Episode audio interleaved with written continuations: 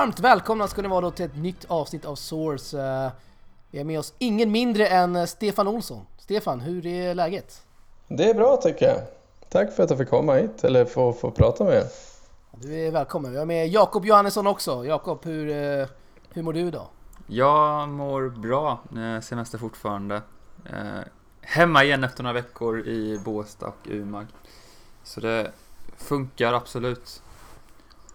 Skönt. Eh, ganska mäktigt ändå Jakob att vi har med en Wimbledon-segrare. Ja. Som vann senast också i Wimbledon. Ja, det händer inte varje, det händer inte varje gång uh, vi har en så meriterad gäst. Men det är väldigt kul att, att ha det med oss. Tack Verkligen. så mycket. Hur, uh, ska vi snöa in oss på Wimbledon direkt kanske? Det är väl lika bra? Ja, absolut. Vad vill ni veta? uh, har du hunnit smälta den här segern? Ja, mer och mer har jag väl börjat hunna göra kan jag väl säga. Jag var iväg på en tävling förra veckan så jag har väl mer eller mindre tvungen att uh, gjort det. Jag väl och det, nej, men det, det börjar falla på plats efteråt börjar det göra och man börjar komma igång med rytmen med träning och sådana saker. Så det känns ganska bra. Mm. Skönt, skönt. Man hör ju ofta idrottare så här säga att uh, det inte går att beskriva i ord när man vinner, någon, vinner en stor titel och du vinner ändå en Grand Slam. Uh, kan man beskriva det med ord? Nej, det är faktiskt väldigt obeskrivligt. Alltså det, det, det, det går inte att ta på. Det, det är nästan lika stort att få barn, men inte riktigt så stort. Typ. Vad sa du, prioriterar du barn före Wimbledon alltså? Ja, faktiskt. O oklar prioritering. Nej, jag skojar bara. Bra prioritering. Mm. Mycket bra prioritering. Eh, kan du ta sig igenom eh, dina matcher där eh, lite snabbt bara? Fram till finalen. Absolut. Uh, Gordon Reed i kvartsfinalen uh, Väldigt tuff match på pappret. Det skulle nog eh, nästan blivit den tuffaste. Det var han som förlorade mot förra året i finalen i Wimbledon. Um, men jag hade på känn att jag, jag spelade bra. Jag vann senast mot honom så jag hade lite psykologiska övertag och sådana saker. Och det gick bra. Uh, det jag ville göra på banan funkar hur bra som helst. Jag vann ganska lätt faktiskt, 6-2, 6-3. Så eh, den matchen är jag nästan mest nöjd med, eh, hur jag spelade överlag. Eh, semifinalen fortsätter med Shingo Koneda. Killen har över 20 Grand Slam-titlar på, på våren inom rullstolstennisen och så han är sjukt bra. En riktig legendar kan man säga. Så det är samma sak där, en riktigt tuff lottning men det var, det var att försöka gå in och spela mitt spel helt enkelt. Och försöka eh, använda mig av min slice så mycket som möjligt och kunna dra ner honom. Eh, lyckades bra där också. Eh, blev breakad i första upp till 4-3 till honom och spelade lite passivt. Eh, spelade ungefär som han ville att jag skulle spela och sen efter det så ändrade jag lite och drog eh, returerna lite mer kan man väl säga och det gynnade mig ganska väl och jag gick upp till en vann första set 6-4. Andra sättet trummar egentligen bara på. Jag fortsätter som jag gjorde i första efter 4-3 där och 6-2. Det, det kändes rätt klart att det var liksom de två matcherna var mina. Eh, finalen är en helt annan story. Jag kommer tillbaka från underläge i första setet 5-3, jag vinner 7-5, vilket var rätt skönt. Eh, det kändes inte som att han hade kontroll i första setet, ehm, utan det kändes faktiskt som att jag hade en stor chans att kunna vinna det och det, jag lyckades komma tillbaka och vinna det vilket var skitskönt. Sen höjer han sig, han, han sätter några otroligt bra bollar i andra setet och vinner det med 6-3. Eh, Sa jag att den heter Gustavo Fernandez förresten? Kanske jag inte gjorde. Du sa det nu i alla fall. Men eh, det, det gick bra där ändå. Jag hängde på i början på tredje. Han lyckas breaka mig upp till 5-3. Och det är många som tror att det är kört liksom, men jag lyckas ändå hänga på. Jag, vid 30 lika i, i, i 5-3 så är det många som säkert kunde tycka att det är kört, men jag kände bara nej, jag kör på bara. Um, jag satt faktiskt och kollade på matchen igår, så jag borde ju faktiskt komma ihåg det 30 lika i läget, men jag gör inte det så bra. Så. Ehm, det blev i alla fall 5-4.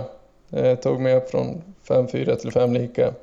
Och därifrån så kändes det liksom att det, det kändes hur bra som helst. Ehm, jag kunde bara fortsätta köra och det, var skitkul att kunna gå in till 6-5 och sen eh, vid 15.30 så jag, går jag ner ett par procent på serv, första serven och det funkar faktiskt ännu bättre. Han missade relativt enkla två stycken upp till matchboll. Så gör jag väl en, en väldigt lös surf får jag säga. Det är nästan så att den hamnar på andra studs när han ska slå bollen. Och det är väl just därför han missbedömer så pass mycket så att han missar den bollen. Så den är min bästa och sämsta serve samtidigt kan man väl säga. Kul. Vad är det du säger där när du slår i matchbollen? Fy fan vad skönt. Ja, no, så jävla gött nu när jag kollar efteråt. Jag kommer faktiskt inte ens ihåg att du säger det. Det, va? det är fina bilder. Ja, faktiskt. Ja, det är helt underbara bilder. Ehm, det är, det är så mycket känslor som går igenom kroppen på en gång. Liksom. Man har kämpat så länge efter att kunna få vinna en Grand Slam-titel eh, i singel. Liksom. Så det är, det är helt underbart. Det. Mm. Du var i final förra året. Hur mycket har eh, ditt år präglats av just att och skaffa de här förutsättningarna för att ta titeln i Wimbledon?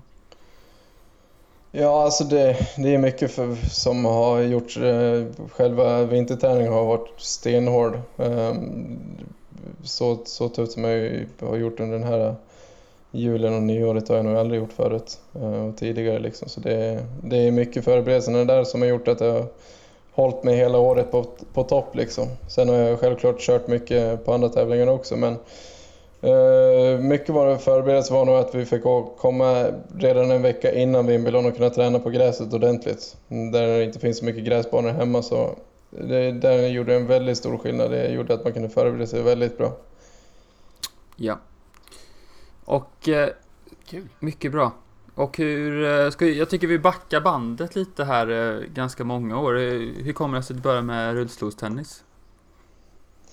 Ja, det, det började med att rekryteringsgruppen Dalarna eh, hade en prova på med tennisen. Rekryteringsgruppen Dalarna är för övrigt en ideell, organisation som försöker eh, hjälpa handikappade då, kan man säga och komma in i sportens värld och eh, få ett drägligare liv från början eh, är väl tanken. Men eh, jag har alltid varit intresserad av tennis ända sedan 4-5 års ålder. Det har varit liksom min, min go-to-plats att alltid sitta och kolla på eh, TVn och sådana saker. Och alltid älskat att spela liksom beachtennis och sånt men vi visste inte ens om att det fanns. Så det, det började väl med att när vi var sju år så blev vi inbjudna till, till det och då kom en kille som heter Johan Haglund från eh, Örebro som eh, då var Sverige etta. Och ja, han, han visade och instru, instruerade liksom hur det gick till. Och, jag ville inte lämna banan. Det gick inte. Jag bara stannade kvar på banan och körde hela dagen. Det blev varken lunch, middag eller någonting utan det var bara tennisbanan som gällde. Så det var väl redan där som man kände att oh, shit vad kul det är med tennis. Eh, det, kan du berätta lite om din, om din sjukdom där också? Eh, arto, hur säger man? Artogrypos? Hur uttalar man det? Ja, artogrypos, ja. typ något sånt. Um, jag vet inte så mycket, alltså det, man kan gå in mycket mer i detalj. På, på det korta så är det att eh, jag har för lite muskelfibrer och stela leder från midjan och neråt kan man säga. Så mina knän böjer sig till exempel cirka 45 grader och sen har jag inte tillräckligt mycket muskelfibrer för att kunna gå några längre sträckor utan det är ungefär 10 meter som jag kan gå och sen är jag helt eh, slutkörd i både ben och ländryggen tar väldigt mycket stryk också. Du mött några fördomar under ja, både utanför banan och på, på tennisbanan från, från folk?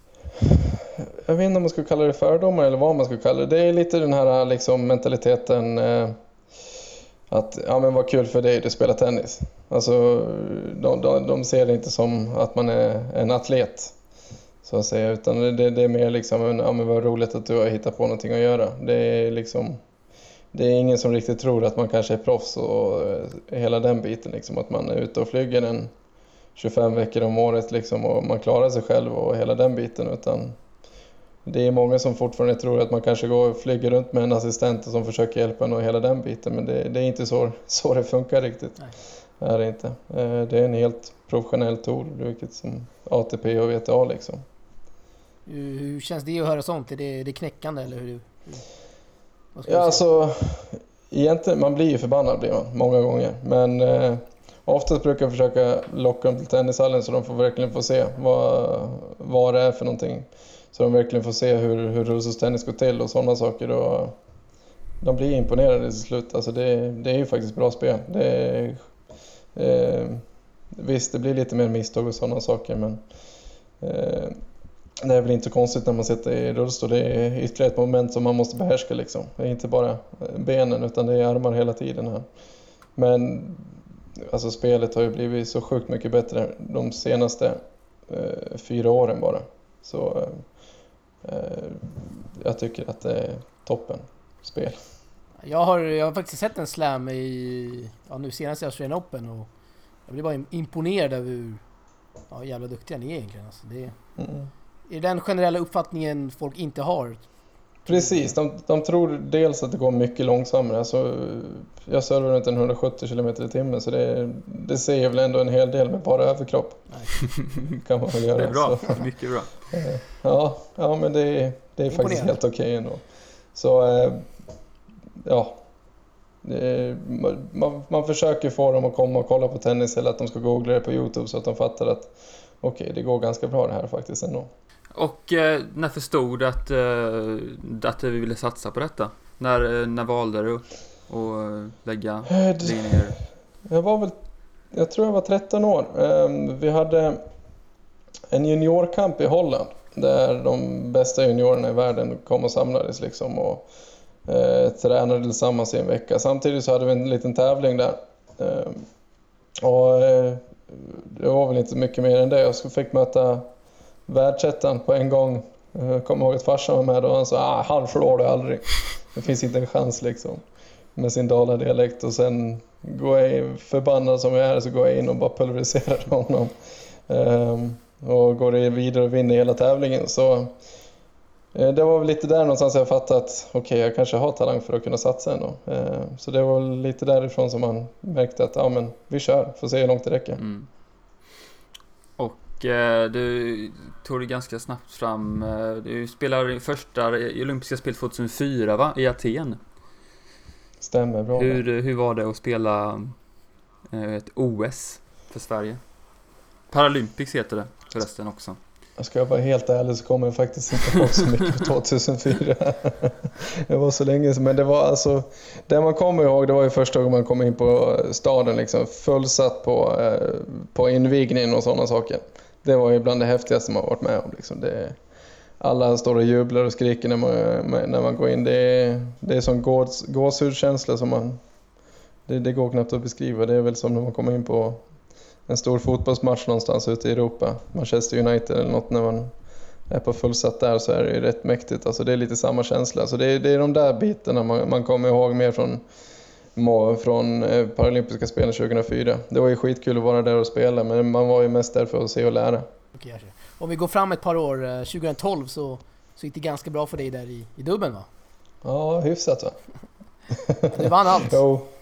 Ja, exakt. Vi, ja, precis. Jag och Peter Wikström, min dubbelpartner, vi gick och vann hela dubben. Ehm, det var helt obeskrivlig känsla. Fortfarande än idag så går det knappt att beskriva hur häftigt det var och sen just det sättet som vi, vi har nog aldrig spelat så bra tillsammans någonsin och så kommer just den veckan och vi spelar äh, helt kanon. Det, jag vet inte om det beror på att vi båda förlorade singeln ganska tidigt och ville ha revansch i dubben eller vad det nu berodde på. Det, det kändes bara som att det var våran vecka.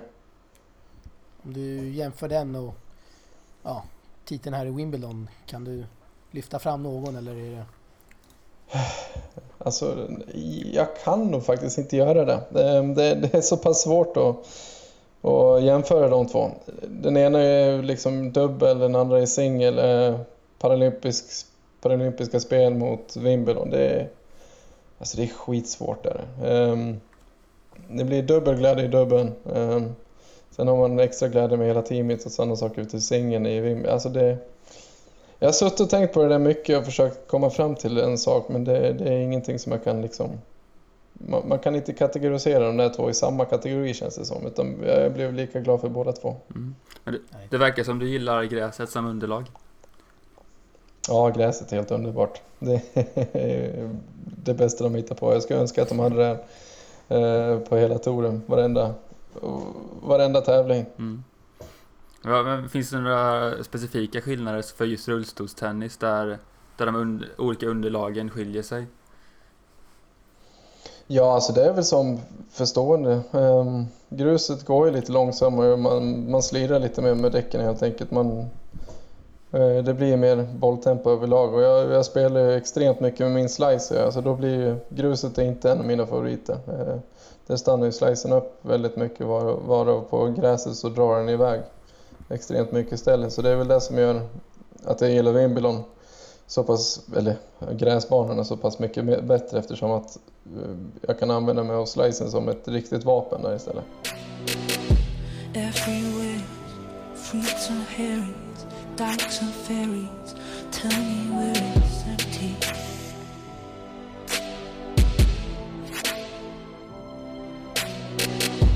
Tax those feed the poor till there are rich no more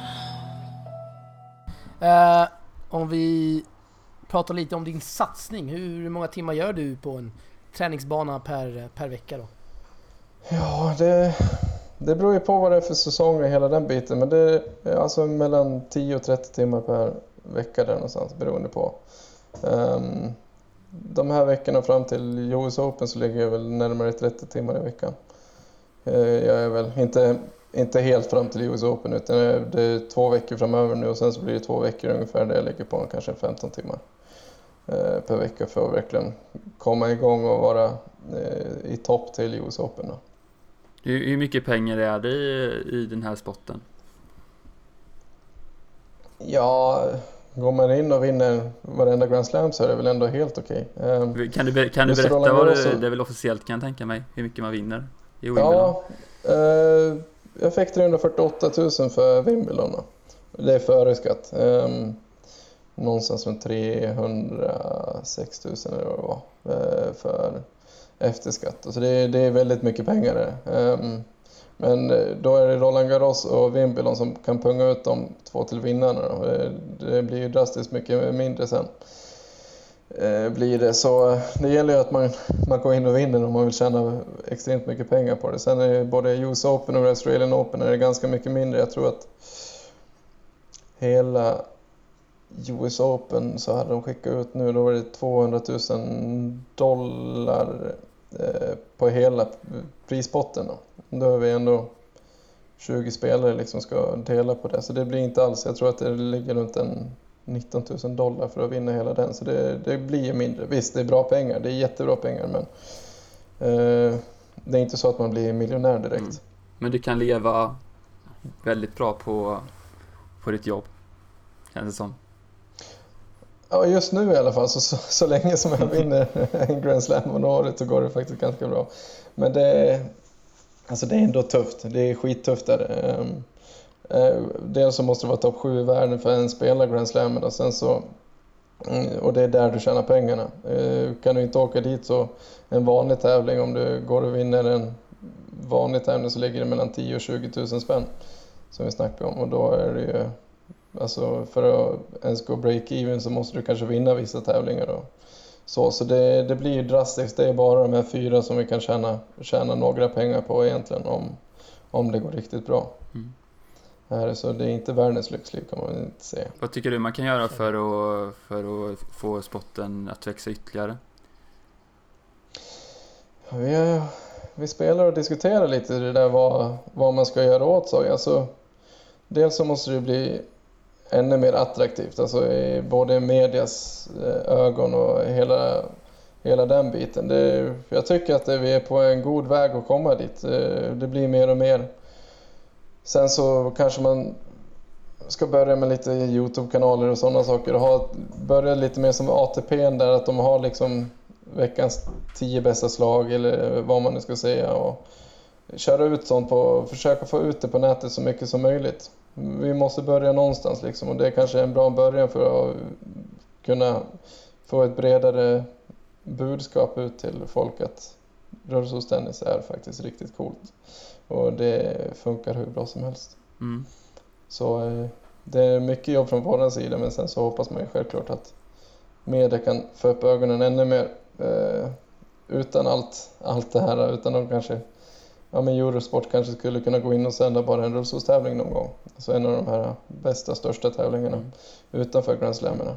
Hur kan du beskriva medias eh, intresse i övrigt för, för dig och eh, rullstolstennisen? Har vi, svensk media, hur ser det ut där? Vi, vi läste ju såklart om dig när du vann eh, Wimbledon, men eh, annars känns det som det är ganska tyst. Ja, det är ju det. Det är det som är lite synd. Alltså, Wimbledon var ju perfekt för mig. Ehm, alla tidningar i stort sett vad jag har kollat och om man ska säga att man har googlat sitt eget namn så kommer väl det. Att det är väldigt många som har skrivit om det här i, i, i Sverige liksom. Så det är ju faktiskt riktigt grymt. Sen så kollar man, jag vann ju en väldigt stor tävling i en Super Series, en motsvarande Masters 1000 kan man säga. Uh, I april i Sydafrika. Då hade vi faktiskt i alla fall SVT gått in och skrivit att jag hade vunnit den. Men det är i stort sett bara SVT som hade gjort det, inte ens eh, tidningen här uppe i Dalarna har skrivit någonting om det. Så det, det är lite, lite mer skärpning på den får man väl säga. Mm. Eh, samma, samma symptom som i övriga tennis-Sverige. Skrivs lite, lite för lite ja. om tennis. Ja, och är det om tennis så är det oftast bara om något skit tyvärr. Ja, exakt. Om eh, Kyrgios och Tommy har ställt till med något. Då står ja, ja, men exakt. Tyvärr ska vi inte svärta ner australiensarna men... Eh, nej, jag vet inte hur... eh, hur mycket stöd har du från, eh, från sponsorer och kanske för, förbund där i, i landet? Um, jag har Wilson just nu. Det är väl där jag kan säga att jag har gratis racket där. Det är det enda jag har just nu.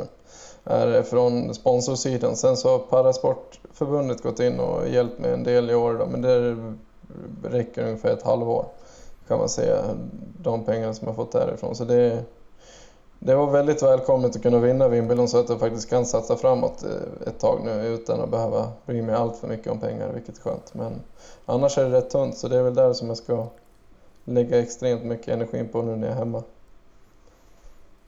Hur, eh, hur känns det? Nu, jag menar, du är, du är ändå en, en, eh, en världsstjärna inom sporten, du vinner ändå ett slam.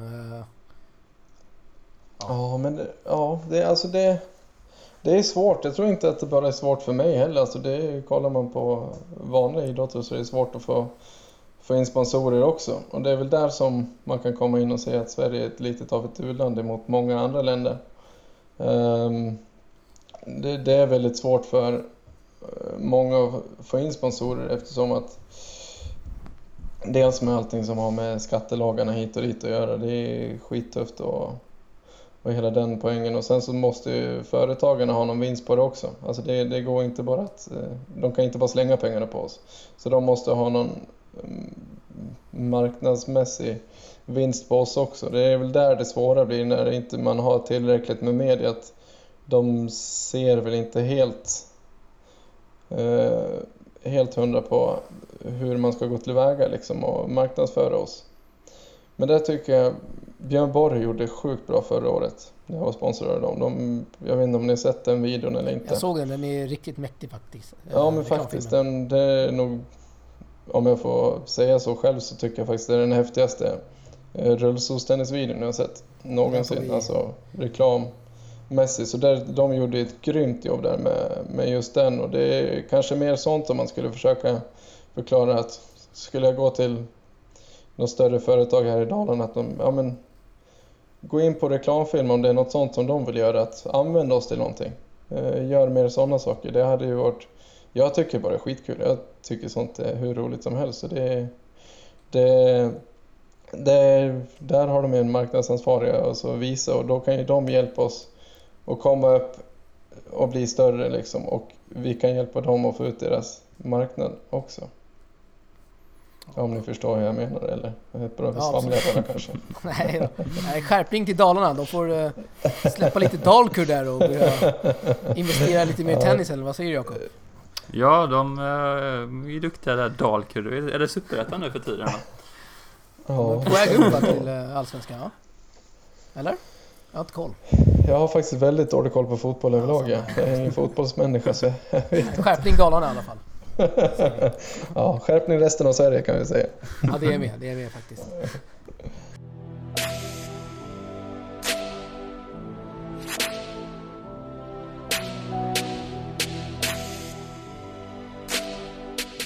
Jag eh, läste en intervju faktiskt här från 2010 med när du blev intervjuad av Stefan Holm på, mm. Aftonbladet. Aftonbladet. Och eh, rubriken lyder då att du är Sveriges okända tennisproffs. Skulle du säga att du är okänd än idag?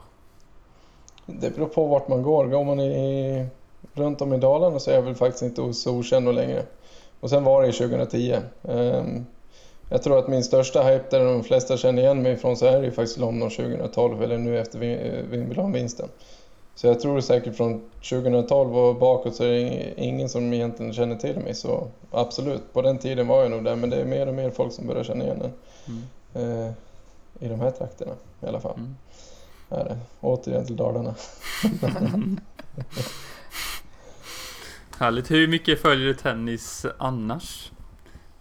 Jag försöker så mycket som jag kan. Um, det går inte jämt men uh, jag försöker i alla fall så mycket som jag kan. Jag älskar att kolla på tennis fortfarande. Det, det är liksom det är min sport. Alltså det, det, spelar ingen roll om jag utövar den själv eller om det är någon annan som gör det. Det är liksom det är det häftigaste jag vet. Alltså det är skitkul med just tennis. Mm.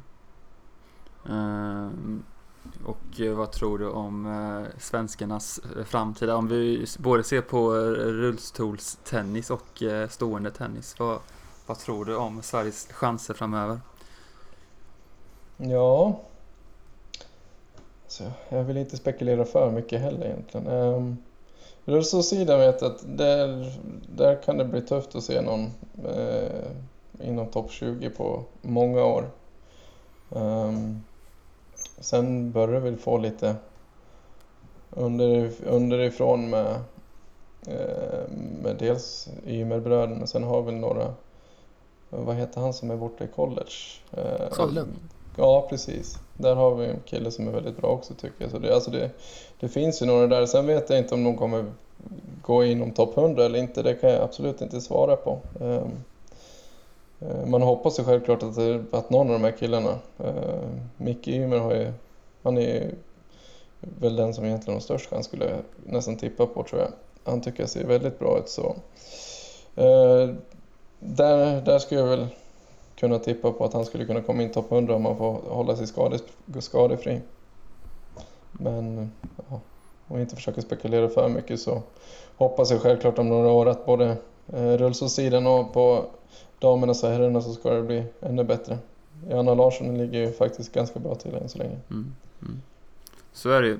Uh, hur mycket kontakt har du med Svenska Tennisförbundet uh, uh, och så vidare?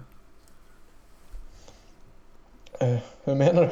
Ja, alltså, alltså, på en daglig basis? Typ. Nej, alltså, har, du något, har du något specifikt stöd av dem eller hur, hur ser det ut? Nej, något samarbete? Nej, jag har inget specifikt. Nej, vi, med Svenska Tennisförbundet har vi ingenting att göra med i stort sett. Okay. Um, de, jag vet inte om de... Eh, de brukar väl inte försöka använda mig så mycket heller, vilket, är, vilket jag tycker är lite konstigt. Mm. Ja, men faktiskt. De skulle kunna dra mer nytta utav mig när de ändå har i alla fall en bland topp 10 och försöka verkligen. promota det lite. Mm, mm. Ja, verkligen. Det, det får vi... En passning till förbundet. Får vi styra upp något. En vinkling. Ja, eller hur? Nej, skärpning är förbundet. Många skärpningar i det här programmet. Nej, men de, de Nej. försöker, men det... det alltså, um, så är det väl alltid. Alltså nu har de väl kanske börjat få ta upp ögonen mer också efter Wimbledon-vinsten. Så man hoppas ju på att de kanske kan göra ett bättre jobb med det i framtiden också. Jag tycker Johanna har gjort ett bra jobb än så länge med att försöka få ut rullstolstennisen.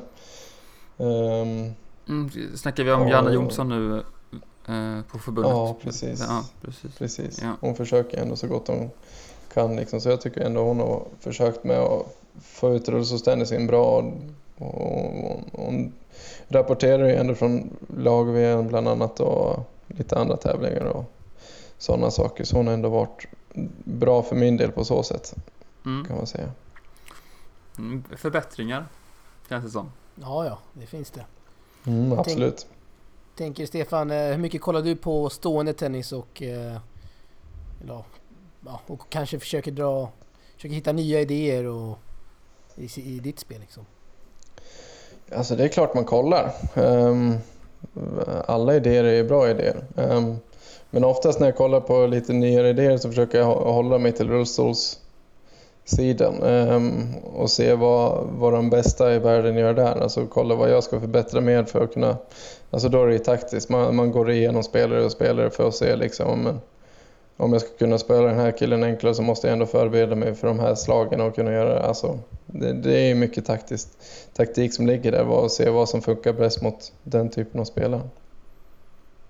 Härligt. Yes, yes. Är Så, men jag kollar absolut på mycket stående tennis också. Men, just för min egna skull så känns det som att jag ändå har, har mer fördel av att försöka uh, lära ut mig själv vad jag ska göra. Mm. Just mot rullstolstennisspelarna. Mm. Har du någon favorit där ute på touren? Någon favoritspelare? Ja, Mr Federer. Originellt svar. Ja, vi svarade det. Jag är ensam om den tror jag. Svårt att säga annat idag. ja, men faktiskt. Gulbis. Nej, men jag har varit ett stort sett ett fan ända sedan han började vinna sina Grand Slam. Det finns ju egentligen ingen bättre spelare där ute. Det finns väl de som har bättre psyke, men just mm. bättre spelare så kan jag inte se mig någon annan. Mm. När ni är ute så på, på Wimbledon och andra Grand Slams, eh, har, hur bra, har ni bra kontakt med VTA och ATP-spelarna eller hur ser det ut? Ehm, man har ju en del kontakt med de svenska, alltså de här legenderna Thomas Enqvist, Jonas Björkman och Thomas Johansson och liksom sådana eh, har man ju väldigt bra kontakt med ändå när man väl träffar dem. De är hur trevliga som helst och de verkar genuint intresserade av just rullstolstennisen också.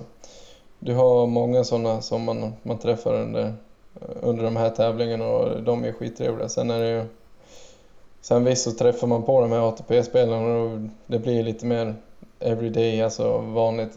Hur, hur, mår, hur mår du idag? Alltså, alltså det är mer, mer den klangen. Mm.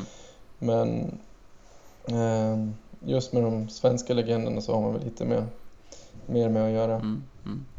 Eh, byter du några ord med Federer då och då? Det är väldigt sällan. Det är liksom, ja, ni ska se hur det ser ut när man, kom, när man kommer in i Wimbledon och, man, och han börjar gå i liksom korridoren. Det, det är liksom alla tisslar och tasslar bakom honom. Och det är liksom, då är det andra spelare, vilket är helt sjukt. Så han är, det är inte bara eh, är inte bara fansen liksom som är helt ute efter honom utan man märker också när man kommer in på de här stora områdena att han, han är sjukt stor. Det är många där som ser upp till honom. Mm. Jag har faktiskt hört liknande stories när Federer kommer in i ett rum, då blir det knäpptyst. Ja, men faktiskt. Och sen när han börjar gå förbi dem så börjar det tisslas och tasslas lite. ja, det, är, det är faktiskt häftigt. Det är, någon magi runt om honom. Eh, ja. Framtiden här nu, US Open nämnde du. Eh, hur, vad, vad är målet i, i New York? Jag antar att du vill vinna den också? Precis. Nej men det, jag ska försöka gå för vinster. Alltså, eh, kan jag få till en bra träningsperiod nu och känner mig att jag verkligen är fit till US Open så, så kommer jag för självklart försöka eh, vinna den också. Eh, det blir skittufft och det är dagsformen som avgör men kan man bara se till att vara bra förberedd så vet man aldrig var det, ska, var det kan sluta liksom. Mm. Skitbra. Och efter New York, vad händer då? Då ramlar det på. Jag kommer väl hem i tre dagar och sen så åker jag vidare till Sardinien och sen så från Sardinien så Frankrike och så ja. Så ramlar det bara på i stort sett till oktober. Eh, så har vi Swedish Open faktiskt eh, i Uppsala, en ITF 3 som jag ska spela. Jag tror att den går samtidigt som Stockholm Open så ja, är det någon som har vägarna förbi får de jättegärna komma och kolla. Mm. Um, Vart spelas, vart spelas det? I USIF-hallen gör det. Okej. Okay. Uh, jag ska kolla datum här. Jag har ingen bra koll på Stockholm så USIF-hallen, var, var ligger det? Jag vet att Peter eh, Reimer gör mycket ja, reklam precis, Peter Han är Reimer, inblandad där. Invacare Swedish Open 12 till 15 oktober. Är det. Ja, bor man i Uppsala eller har... Eh, eller i Stockholm för den delen. Kan vara värt att ta en titt. Ja men precis. Kom förbi. Och kika lite rullstolstennis också. Skitbra. Får man se hur, hur eh, det lirar. Skulle du, se, skulle du tro att du skulle kunna slå en... Eh, ja, säg en stående motionär? En det ATP, tror jag i alla fall. Ja, en motionär, absolut. Det, Det jag det gör jag på garanterat. daglig basis.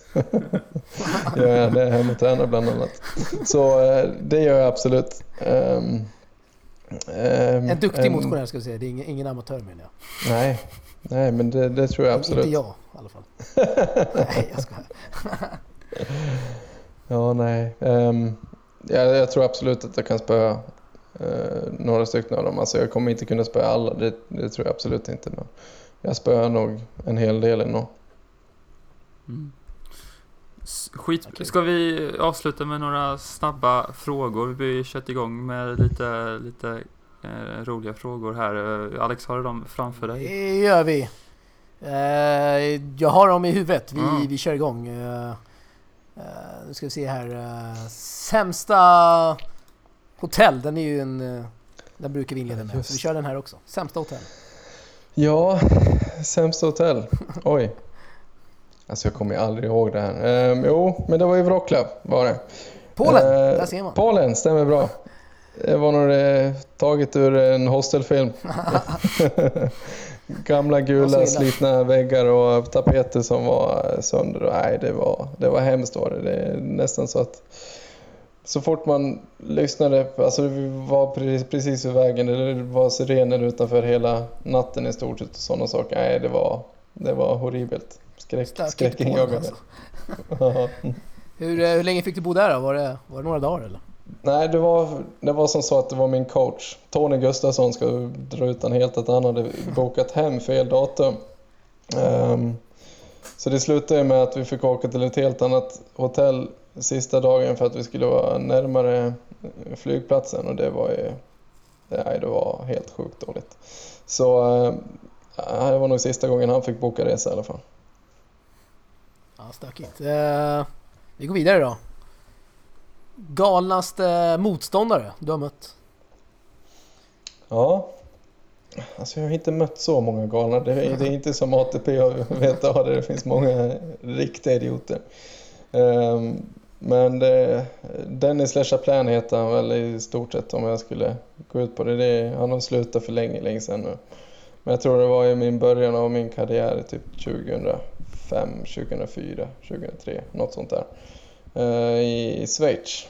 Jag fick möta någon riktig knäppjök i första omgången. Liksom. Han var, sk- skrek på allt och på domaren och hit och dit och gjorde allt för att försöka vinna en enda boll. Liksom. Men det, jag tror jag, jag vann relativt enkelt men han var inte eh, jätterolig att ha att göra med. Vad har, vi, vad har vi mer för grejer? Vi har eh, sämsta banorna. Vart eh, hittar man dem? Ja. Är det i Sverige? Nej. Dalarna? Ja, Dalarna. Ja, tänkte precis säga det jag med. Nej, absolut inte. Vi har faktiskt bra banor här uppe. Um, sämsta banorna? Ja du. Hade man varit smart så hade man kanske tänkt igenom lite sådana här saker förut. Um,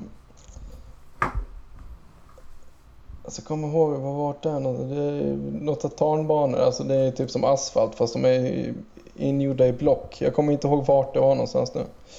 Jag tror faktiskt att det var någonstans i Holland. Tror jag. Men de, de- är liksom inrutade i, alltså de är typ som gjutna block, fyrkanter. Så varenda linje ligger på ett block. Och så fort bollen stöttar där på så sticker den ju bara iväg åt något håll. Eh, och vissa av de här blocken är helt sneda så det är liksom... Ja, det... Man flög i rullstolen några gånger till och med. Tror jag. Så det, så det är nog de sämsta banorna jag spelat på. Ehm, det var jättebra när man själv servade och lyckades träffa linjen. Då flög den i all världens väg. Fick ett par S men när motståndaren gjorde samma sak var det inte lika kul längre. Oklart. Eh, favoritturnering då? Det måste nog vara Sardinien faktiskt. Den är helt underbar. Bra väder, bra folk. Eh, oftast många som är och kollar. Eh, extremt bra banor liksom. Och, nej, men det är en soft och skön tävling att vara på. Du dissar Wimbledon nu alltså? Ah, okej. Ja, ni tänker med Grand Slammen också? Nej, men då, då, de, är en kategori för sig. Det, det är liksom... Om man kommer på våran tour och så kommer man till Grand Slammen, det, det går inte att förklara. Det, där är alla Grand Slammen absolut bästa. Är det. Eh, det är top notch. Jag tänkte om ni bara ville ha våran typ av tour så har, är just den bäst. Men kollar det där, om man kollar de fyra största Grand Slam-tävlingarna så är det nog faktiskt Wimbledon som är bäst.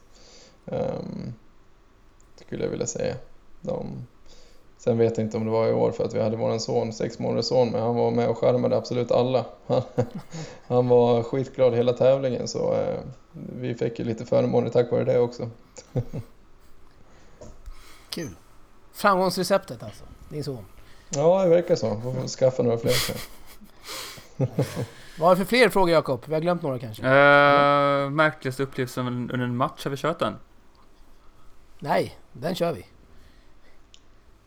Ja, det var väl i Sydafrika måste det varit när det kom en apor in på banan. Apor in på banan? Ja, den är... Ja. Den är sjuk. Kommer den är stökig. Det, ja, inte, inte under min match, men under någon match kom de och snodde bollar till och med. Gjorde de, så det var... ja, det är sant. så, så det var lite sådär halvskumt faktiskt. Ehm, det är väl den skummaste upplevelsen jag har varit med om, att det sitter apor där och bara kan springa rakt över banan ibland. Oerhört eh, stökig eh, händelse där. Ja, mycket. Härligt. Uh, har vi något mer? Eller ska vi uh, tacka Stefan så mycket för att han ville ställa upp? Det tycker jag att du gör. Uh, stort tack Stefan för att du ville snacka med oss i Source. Ja men tack så mycket att jag fick vara med. Mm. Vi får hoppas att vi får, vi, får, läsa mer om det här i svenska pressen framöver. Och även att vi får upp tempen för svensk rullstolstennis. Men tack så mycket för oss. Eh, ja, vi kör på här med våra poddar. Så glöm inte att följa oss på våra sociala medier också. Och glöm inte att följa Stefan också. Eh, Nej, in och följ. Bra, bra hemsida. Lite, lite, inte riktigt uppdaterad dock. det kommer då, jag lovar. Det kommer ikväll. ja, exakt, kolla senare ja. Ha det bra alla. Tja, ha det bra. Tack och hej.